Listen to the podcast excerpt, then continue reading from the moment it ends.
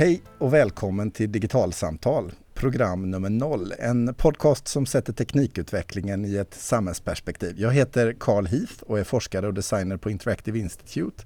Och med mig har jag Anders Toresson, frilansjournalist. Hej Anders! Hej Carl! Det här är ju program noll i våran podcast och i det här första programmet så tänker vi oss att vi ska berätta lite granna varför vi vill göra den här podcasten och vad vi menar med digitalsamtal och var den har kommit ifrån. Så om jag skulle börja med att kasta över bollen till dig Anders, varför är du sugen på att göra en podcast med namnet eh, Digitalsamtal? Eh, därför att jag är teknikjournalist och har varit det de senaste 16 åren.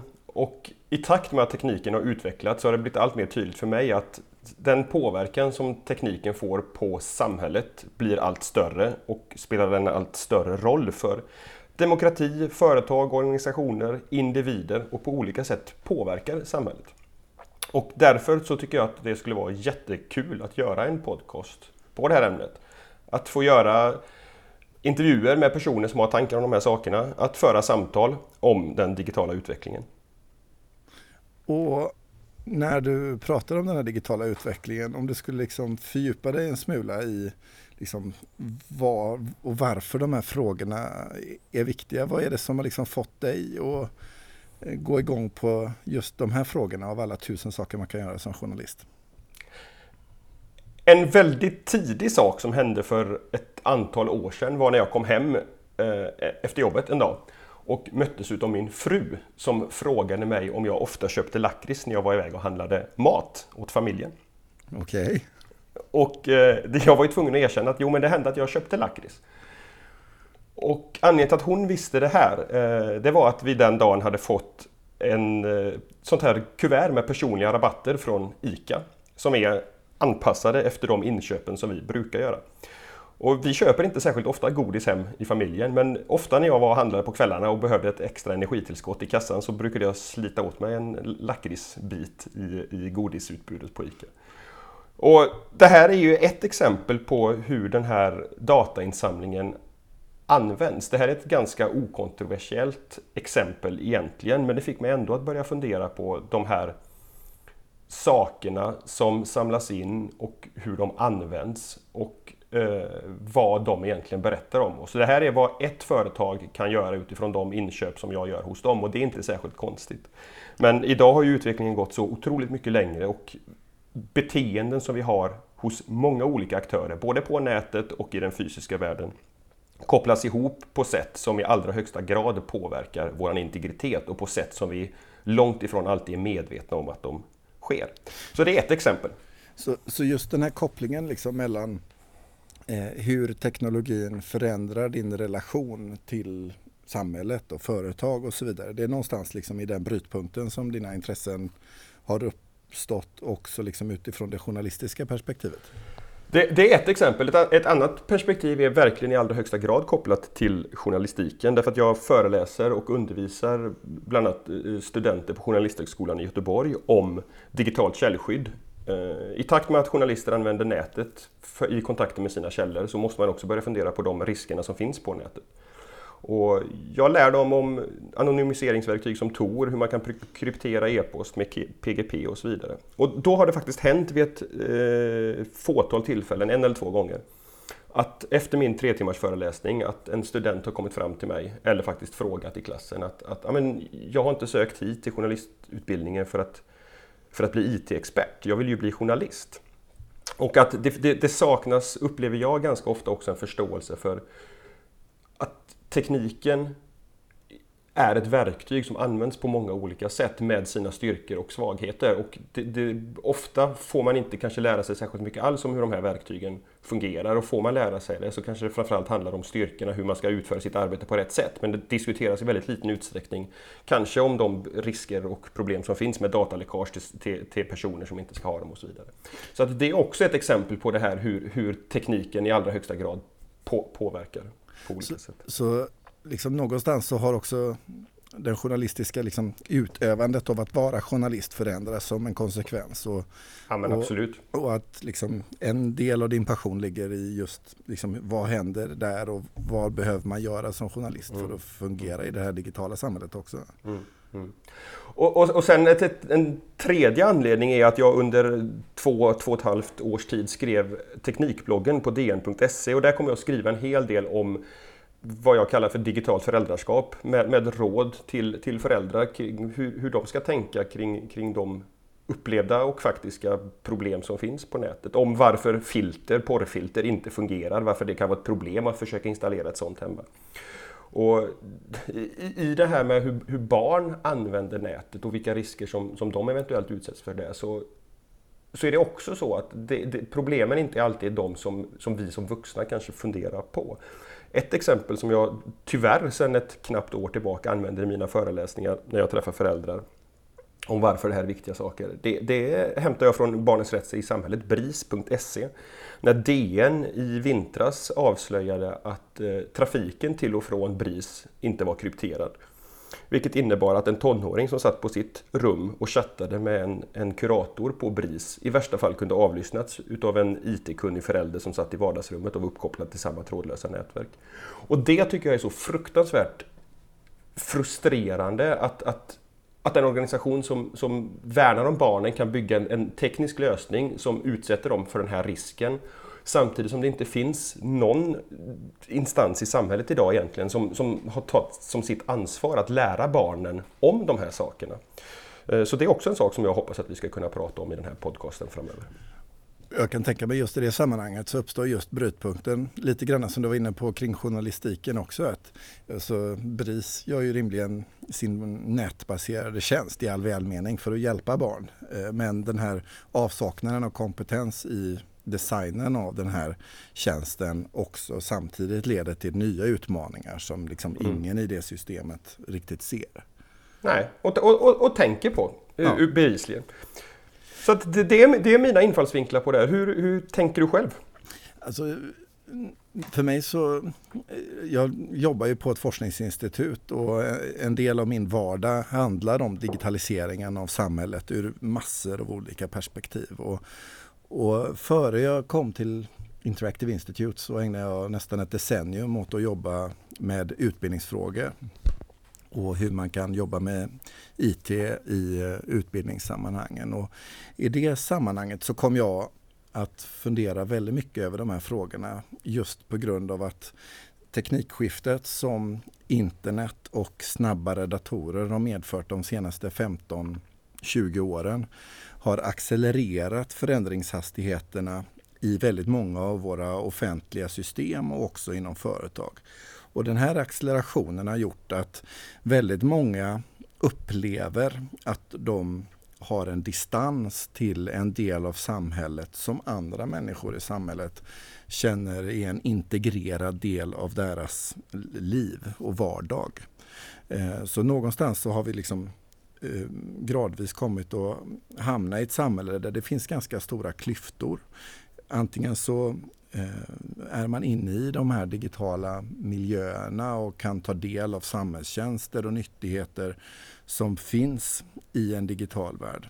Men så finns det också många som inte befinner sig där. Och det finns många, till exempel lärare eller utbildare i företag eller var man nu kan vara, som Eh, med en högre grad av kunskap om digitaliseringen och digitaliseringens effekter skulle kunna skapa ännu bättre verksamhet än vad de bedriver idag. Så, så jag kan väl se någon form av folkbildningstanke eh, med en sån här podcast. Alltså där man kan fundera över liksom, vad är det vi behöver kunna som medborgare och, och eh, verksam i ett modernt digitalt samhälle. Och vad får det för konsekvenser att ha ett digitaliserat samhälle ur politiska eller offentliga eller, eller större perspektiv? Så det är nog en absolut liksom, viktigaste perspektivet för min del. Och det andra skulle jag nog säga, det handlar också om, det är kopplat till det här, men digitaliseringen för också med sig en mängd maktförskjutningar. Och med det menar jag att eh, kunskap eller makt som tidigare har funnits i en domän idag finns hos andra. Och det kan vara både bra och dåligt. Det, man behöver inte nödvändigtvis värdera det men just maktförskjutningarna i sig självt förändrar gradvis hela samhällskroppen. Och att belysa det och reflektera över vad det innebär och så vidare. Det ser jag ett stort värde i och det hoppas jag på att vi ska kunna göra eh, utifrån många perspektiv i den här podden. Där blir jag nyfiken på, på den här maktförskjutningen. Ser du att det handlar om att, att nya individer, organisationer, grupper får ny makt med hjälp av tekniken? Eller är det så att tekniken ger dem möjlighet att, att med den kunskap de besitter sedan tidigare faktiskt börja utöva makt? Både och skulle jag säga. Alltså, men teknikens, alltså demokrat, det vi kallar för demokratiseringen av Ehm, eh, media till exempel. Att eh, du och jag faktiskt med ganska lite eh, förberedelser kan dra igång ett eget radioprogram och sända det till vem som helst som vill lyssna med en väldigt låg utvecklingskostnad.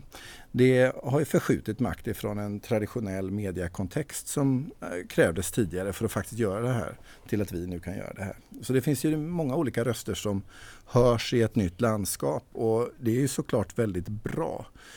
Men med det så uppstår en maktförskjutning och våra traditionella samhällssystem och strukturer de är anpassade för att lösa uppgifter i en tid som inte såg ut på det sättet som ja. vårt samhälle gör idag. Och där finns det stora glapp och de växer med digitaliseringen. Och det handlar inte bara om att vi podcastar eller så utan det kan ju handla makt eh, i alla möjliga sammanhang mellan medborgaren och myndigheten eller företaget och staten. Eller den ideella föreningen och, och eh, företaget eller medborgaren eller vem det nu kan vara. Som en del i ditt intresse för de här frågorna så startade du tidigare år en Facebookgrupp som heter Digital samhällskunskap. Kan, kan, du berätta lite grann om vad, vad du tänkte med den gruppen och vad, vad, den används till? Ja, alltså den är ju lite grann liksom eh, grunden till varför eh, vi sitter här just nu och pratar, i varje fall från min horisont. Och, eh, i, vad kan det ha varit i mars eh, nu i år, 2015, så höll jag ett föredrag för en massa rektorer i Göteborg där jag diskuterade just frågor om digital samhällskunskap och väckte frågor om som vad, är, vad behöver elever kunna, vad behöver lärare kunna? Och eh, skolledare för att kunna bedriva undervisning i ett digitaliserat samhälle. Och hur kan jag eh, fatta rätt beslut och eh, ägna mig åt källkritik och vad det nu kan vara. Och i det här samtalet så hade jag en mängd olika exempel på hur digitaliseringen av samhället just förändrar våra förutsättningar att bedriva eh, skola till exempel. Och många rektorer i det rummet eh, som lyssnade räckte upp handen och sa liksom, men hur kan vi veta mer och hur kan vi lära mer om digitaliseringen av samhället generellt? Eh, alla sitter ju inte som du Anders och jag och nördar på den här typen av frågor varje dag utan man skulle vilja hålla sig allmänt uppdaterad helt enkelt. Och jag hade inget riktigt bra svar på vart man skulle vända sig för att ta del av liksom, eh, lite information om digital samhällskunskap löpande i ens vardag. Eh, och då var det en eh, skolledare Eh, i gruppen som föreslog att vi kunde dra igång en Facebookgrupp.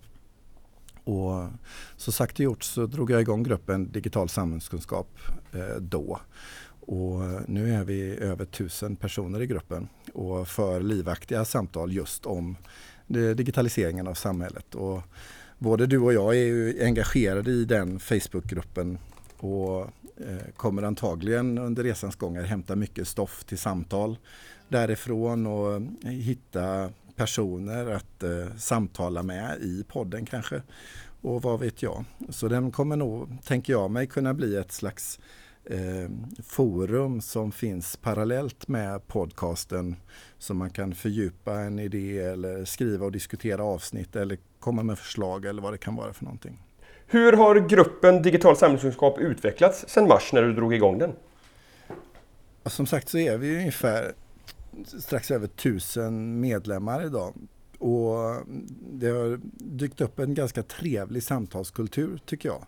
Där eh, olika personer postar intressanta nyheter inom digital samhällskunskap som kan vara verkligen eh, ganska brett. Ehm, så, så det finns ett ganska intressant liv och ehm, en känsla av nyfikenhet i gruppen som jag tror kommer kunna para och matcha den här podden på ett ganska bra sätt. Vad, vad lägger du i begreppet digital samhällskunskap? Alltså när vi funderade på vad ska vi kalla den här gruppen så eh, satt jag och bollade med många olika begrepp. Men för mig så, så stämmer det tillbaka just på att eh, kopplingen mellan digitaliseringen och samhället och våra gemensamma sociala resurser. Eh, och med dem menar jag både offentliga, privata, företagsmässiga, eh, civilsamhället alla de organisationerna utsätts för nya ty typer av tryck och utmaningar. Och digitaliseringen förändrar deras sätt att jobba eller komma till uttryck. Och kopplat med globaliseringen som uppstår i en tid av internet så utsätts ju svenska intressen också för utländska intressen. Och det som tidigare var liksom självklarheter för en nationalstat att ägna sig åt kanske ett företag håller på med idag och tvärtom. Så vi befinner oss i en stor transitionstid och digitaliseringen spelar en stor roll i den transitionen och jag ser att liksom subjektet samhället någonstans är ett intressant forum eller en, en kontext att förhålla sig till kring den. Och just det samtalet kring vad händer med samhället i stort i relation till digitalisering. Det var så att säga bakgrunden till namnet kan man, kan man nog säga. Mm. Och det är också det vi har landat i, att vi vill att den här podden ska, ska handla om att sätta teknikutvecklingen i ett samhällsperspektiv. Vad, vad, innebär det? Vilka ämnen och diskussioner kan lyssnarna förvänta sig att vi kommer ta upp här framöver? Alltså som som jag tänker så kommer ju fokuset handla mer om konsekvenserna av teknologi och konsekvenser av digitalisering på samhället, företag, civilsamhälle, offentlig sektor. Snarare än ett nörderi i teknik. Eh, det kanske händer att vi eh, spårar ur en eller annan gång och fördjupar oss i någonting där det kanske är viktigt att förstå lite mer om hur en teknologi eh, beter sig eller funkar för att sen kunna förstå konsekvenserna på samhället. Men, men fokuset tänker jag mig inte handlar om teknikbiten utan snarare just eh, konsekvenser, Ehm, hur förändringar av just offentliga system eller liksom företagets förutsättningar eller vad det kan vara ehm, påverkas av digitaliseringen. Så, så med det sagt så skulle det kunna handla om allt ifrån diskussioner om ehm, nätneutralitet till eh, diskussioner om eh, kryptering eller anonymisering av tjänster eller eh, röstning på internet eller skolans digitalisering eller eh, händelser i vården eller i omsorgen eller många olika saker skulle det kunna handla om. Eh, trafikutvecklingen, eh, hela utvecklingen inom autonoma fordon påverkar ju hela samhället.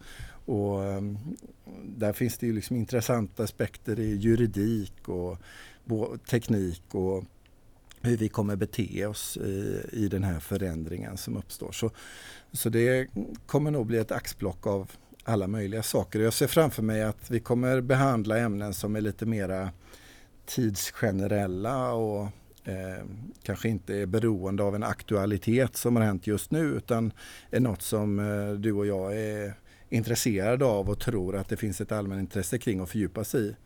Men jag kan också tänka mig att vi kommer dyka ner i aktualiteter som uppstår eh, vid olika tillfällen när det finns fog att göra det. Och precis som du säger, det vi tänker oss är att, att, frågan vad innebär det här ska sväva över alla diskussioner egentligen. Om vi tar upp en sån sak som nätneutralitet som, som i grund och botten är en väldigt teknisk diskussion så är det ju inte tekniken i sig som är det som vi kommer intressera oss för utan vad innebär det om man, om man har ett internet som är nätneutralt kontra ett som inte är nätneutralt? Till exempel. Nej men absolut, det blir liksom samhällsperspektivet på de här frågorna på något sätt. som kommer ligga i fokus. Och min förhoppning eh, det är ju att vi eh, ska försöka bjuda in folk i våra samtal också eh, och höra många olika röster i podden och låta olika människor komma till tals om vad det deras specialiteter handlar om eller perspektiv eller engagemang. Ja, vi har inte tänkt oss att det här ska vara en podd med ett tydligt format där det är du och jag som sitter och pratar med varandra. Utan ibland är det du och jag, ibland är det du och jag och några gäster. Ibland har jag träffat någon intressant person som jag har gjort en intervju med. Till exempel. Till exempel, absolut. Och vi har väl sagt att vi ska försöka hålla samtalet till ungefär 20-30 minuter. Och eh, det blir någon slags liksom ambition. Men ibland så tar vi oss kanske friheten att göra ett jättelångt avsnitt och ibland så gör vi något superkort. Eh, så vi förhåller oss nog lite flexibelt till det, tänker jag. Mm. Är det något mer som eh, vi borde eh, diskutera just i det här sammanhanget och som kan vara av intresse just för bakgrunden kring podcasten. Vad blir nästa steg, eh, eh tänker vi Anders? Ja, det vore ju kul att i och med att vi kallar det här för avsnitt noll så skulle vi gärna ta emot tips och förslag på intressanta personer att prata med, intressanta ämnen att ta upp i de kommande avsnitten helt enkelt. Ja precis, och det kan man göra på många olika sätt. Eh, man kan höra av sig med kommentarer, tankar och funderingar i Facebookgruppen Digital samhällskunskap såklart och har man en fråga så tveka absolut inte att höra av er. Det går bra att skicka frågor på mail och då är adressen i så fall podcast digitalsamtal.se. Och på Twitter finns vi på ett digitalsamtal. Och om det skulle vara så att ni prenumererar på den här podcasten genom iTunes så får ni jättegärna skriva en kommentar eller ratea programmet i iTunes så att vi hamnar högt upp på sökresultaten och fler får möjlighet att hitta till oss. Men till dess så tror jag att vi kallar det här för en dag och med det avslutar vi program noll av podcasten, eller hur Anders? Det gör vi. Tack så mycket! Tack så mycket, hej! Ja, det kanske gick.